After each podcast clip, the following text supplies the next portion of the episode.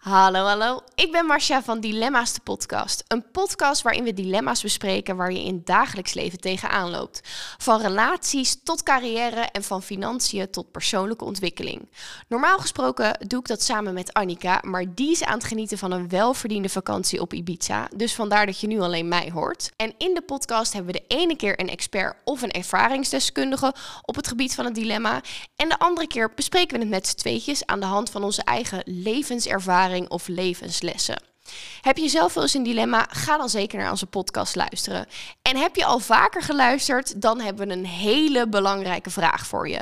Je kunt namelijk nog tot vrijdag 10 september ons nomineren voor de Dutch Podcast Awards in de categorie Lifestyle en Maatschappij. Hoe doe je dat? Ga naar onze Instagram-pagina, Dilemma's de podcast. Klik op de link in onze bio en dan kom je bij de pagina waar je op ons kunt stemmen. Wil je dat voor ons doen? Daar zijn we je echt mega dankbaar voor. En dan hopen we je weer terug te zien bij seizoen 3 in oktober. En dan is Annika er ook weer bij. Tot dan, doei doei! Ga ik die lange reis maken? Of begin ik een gezin? Vind ik deze baan nog leuk? Of ga ik toch mijn droom achterna? Ben ik eigenlijk gelukkig in mijn relatie? Of ben ik toch liever vrijgezel? In Dilemma's de podcast bespreken wij dilemma's die ons bezighouden. Want ook al heb je een dilemma, hoe zorg je dan voor dat je het heft in eigen handen neemt?